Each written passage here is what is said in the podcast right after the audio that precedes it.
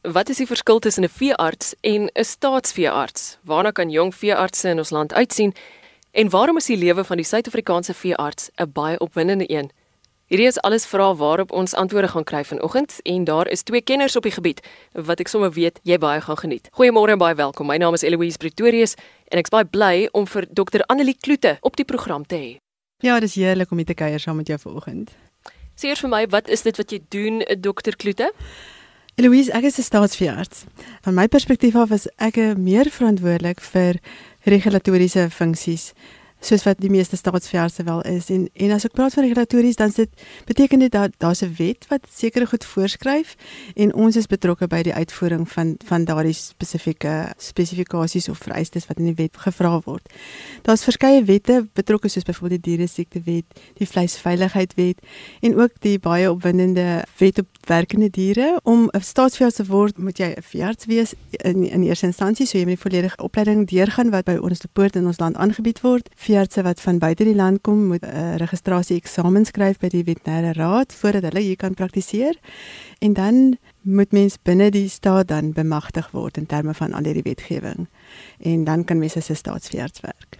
En daar is ook verpligte gemeenskapsdiens vir almal wat veeartse wil word in ons land. Ja, dis 'n relatiewe nuwe deel van die pligte van 'n jong veearts. Die land spandeer regtig baie geld in die opleiding van veeartse.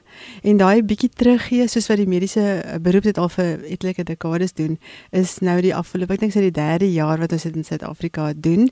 En ons het absolute ongelooflike insette van hierdie jong mense wat met 'n kop vol kennis, 'n groot klomp energie en baie entoesiasme binne ons land ons mense kom dien saam met die diere wat hulle na kyk. So dis regtig 'n groot voorreg om dit te kan sien en te beleef. Dus is dit baie voordelig, nie net vir die jong veeartse nie, maar ook vir Suid-Afrika en Suid-Afrikaanse diere. Verseker, ek dink die voordeel strek selfs verder as net by die diere en ek het ek het al gesien van hierdie veeartse wat 'n inset maak in terme van die ekonomie deur betrokke te raak op deeltyds 'n deel van hulle werk sal saam met 'n staatsveearts wees en waar hulle regtig baie baie belangrike bydraes maak om die staatsveearts te help. Hulle word byvoorbeeld bemagtig in terme van hierdie wette terwyl hulle in diens is van die staat vir daardie jaar. En hulle kan die bedrywe in die provinsies dien, byvoorbeeld met die werkende dierewet is hulle insette nie net op op die dier se welsyn self wat werk nie, maar ook op die bedrywe waaruit ons mense lewe in hierdie provinsie of in hierdie land. So dit is regtig uh, baie baie wye inset wat hulle maak. Een Sofie arts is Dr MK Du Plessis en ek's baie bly om jou ook op vanoggend se program te verwelkom. Baie dankie Louise, is 'n groot voorreg om hier so te wees vandag. Hoe het jy gekom tot op hierdie punt? Ek het groot geword in Bloemfontein in die Vrystaat en skole gee mense die geleentheid om te gaan werk by die spesifieke as jy nou 'n beroepsidee in jou kop het, dan gee hulle jou nou die geleentheid om dit bietjie te gaan beoefen vir 'n week en te kyk of dit werklik iets is wat jy vir die res van jou lewe wil doen. Ek het by klomp verskillende plekkies wat ek nou gaan besoek het en toe my laaste 2 dae was by 'n veearts gewees. En my heel eerste geleentheid was wat hy 'n operasie moes gedoen het en ek moes hom assisteer met geen kennis, niks anders nie en hy het hande nodig gehad. En met my hande, daar het ek vir die eerste keer besef dit is wat ek vir die res van my lewe wil doen. Dit was in die eerste 5 minute by die verjaarsdag gewees.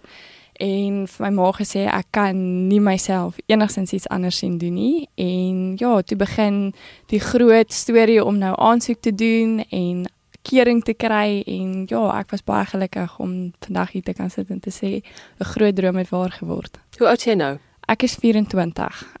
MK, ek verstaan ook baie van die jong veeartse soos jy raak absoluut verlief op die plekke waar hulle is. Mm, nee, verseker. Ek dink die geleentheid wat ons hierso kry om ons gemeenskapsdiensjaar te doen. Mense het nie altyd die sê om te wil presies weet waar jy opeindig nie, maar daar waar jy doen is absoluut 'n ongelooflike voorreg en ek het nog nie van een persoon gehoor wat werklik ongelukkig is oor daar waar hulle geplaas is nie en daar is soveel suksesstories dat mense op die ou einde veeartse wat hulle gemeenskapsdiensjaar gedoen het, het besluit dat daar waar hulle geplaas is, is daar waar hulle wil bly. Waar ek is, kan ek ek kan glad nie kla nie. Ek is bitter gelukkig. En dis Woester. Dit is in Woester, ja. Vertel vir my die storie van Matthys Uys. So hy is een van hy's 'n kollega nou. Hy het 'n jaar bo my klaar gemaak. Sy groot liefde en passie was by klein diergeneeskunde gewees en dit is waar meeste mense maar gedink het hy op die ou einde gaan opeindig. En toe hy sy gemeenskapsdiensjaar poskry, was dit in 'n abattoir gewees. Na 'n jaar van daar werk was dit sy lewe het verander en hy het besluit klein diergeneeskunde kan eenkant toe staan en hy het besluit hy wil in die publieke gesondheid en in vleisgesondheid ingaan en verder daarin gaan studeer en dit is sy storie.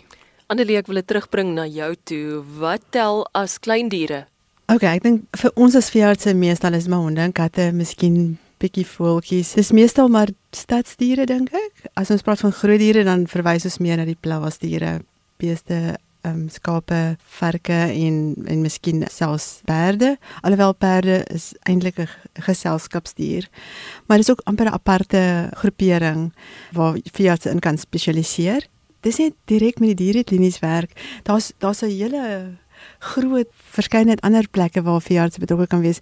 Enige iets van die akademie van navorsing beide in die dierkant en ook aan die mensekant baie keer mense besef nie hoe dikwels is veeartse betrokke aan die mensekant by universiteite waar byvoorbeeld anatomie of vergelykende fisiologie gedoen word dalk nie en veral waar 'n prekliniese studies gedoen word vir prosedures en medikasie wat gebruik word ontwikkel word vir gebruik in mense later. So aan die akademiese kant is daar 'n groot sy, daar's die hele farmasie industrie waar daar 'n groot klomp veeartse betrokke is. Ja, en dan welsyn, dierewelsyn is een wat besig is om baie meer prominent te word. Miskien kan ek net noem terwyl ons nou op daai punt is dat so 5 jaar gelede was daar 'n hulle noem dit die PWS in Engels, dit staan vir die Performance of Veterinary Service evaluasie van Suid-Afrika gewees deur die internasionale organisasie vir dieregesondheid. Ons verwys dikwels daarna as die OIE 'n Franse afkorting vir die Wêreldorganisasie vir Dieregesondheid. En een van die sterk bevindinge was dat ons 'n tekort het in Suid-Afrika aan die betrokkeheid van veeartse oor die algemene welsyn. So daar's ons regtig 'n mooi sterk dryf wat besig is om deur te kom en dit pas eintlik so goed. Dis vir ons eintlik almal lekker as dit goed gaan met die welsyn van die diere. So dis nou dan nog 'n komponent en dan voedsel enige iets wat met voedsel te doen het waar diere betrokke is. Wat ek wel kan bevestig is, die dag toe ek in veearts en my kinders ingestap het, het ek nie besef wat so 'n ongelooflike groot verskeidenheid daar is in die veeartsbedryf ja. waar 'n mens kan opeindig op die ou einde nie. Die meeste mense is maar geneig om te dink dat die dag wanneer jy 'n veearts word, is dit daai persoon in die praktyk waar jy jou mm. hond invat en dis dit, maar ons eintlik 'n wye veld vir ons daar buite en veearts is eintlik baie betrokke by meeste aspekte van daaglikse lewe dat dit nogals ja, mense oë gaan oop. Annelie, dan wil ek jou tog uitvra oor sekuriteitshonde. Ja, weet jy, dis iets wat nou vir my in die laaste 2 jaar regtig begin 'n passie raak het. Deel van die werkende dier wetgewing wat verander het, want die wet kom eintlik al van 1935 af. Toe dit destyds of eintlik tot so onlangs is Augustus 2017 uitgereik is die lisensies om met diere te werk deur magistrate is die sekuriteitsbedryf seker een van die grootstes in hier in ons provinsie kan ek miskien net by myself in die rede val is ek dink omtrent in die omgewing van 40% van ons werkende diere lisensies is in die sekuriteitsbedryf. En as jy nou kyk na byvoorbeeld 'n hond, want aanvanklik was dit net honde met die verandering van die wetgewing het hulle dit verander na diere toe. So ons het nou selfs 'n berede eenheid hier in die provinsie wat gelisensieer is wat met perde 'n sekuriteitswerk doen. En as jy kyk na die geweldige belangrike rol wat hulle speel en een van die maatskappye hier in ons provinsie byvoorbeeld ek het 'n inspeksie gedoen seker hier in Oktober laas jaar en met fantastiese honde. Dit is net 'n ongelooflike ding om te sien dis honde wat opgelei is op 'n baie hoë vlak en ons kan nou miskien daaroor praat. En dit bring my dadelik terug by hierdie nuwe wet. Hierdie honde as die getuienis in hof gebruik word, gaan die magistraat die eerste ding wat hy vra of miskien is dit die verdediging se slim prokureur wat dit gaan vra wie se daai hond was opgelei en gekwalifiseer om daai werk te doen en wie se die hanteerder was. So hulle vra eerstens, bring vir my die sertifikaat van opleiding van die hond en van daardie hanteerder. En op tegniese terme as daai goeders nie reg is nie, dan word daai getuienis uit die hof gegooi en selfs 'n persoon wat op heterdaad betrap is, kom skotvry daarvan af. So dis vir my as 'n as 'n veearts wat 'n lisensie moet uitreik vir 'n werkende dier wat in die loop van sy werk waarskynlik die risiko van of 'n messteek of 'n koelwond, hy kan dodelik verwond word in die gesig staar, dat daai dier wel wanneer hy suksesvol arrestasie bewerkstellig, dat sy getuienis gebruik kan word. Dis my oneties dat dit nie gebeur nie.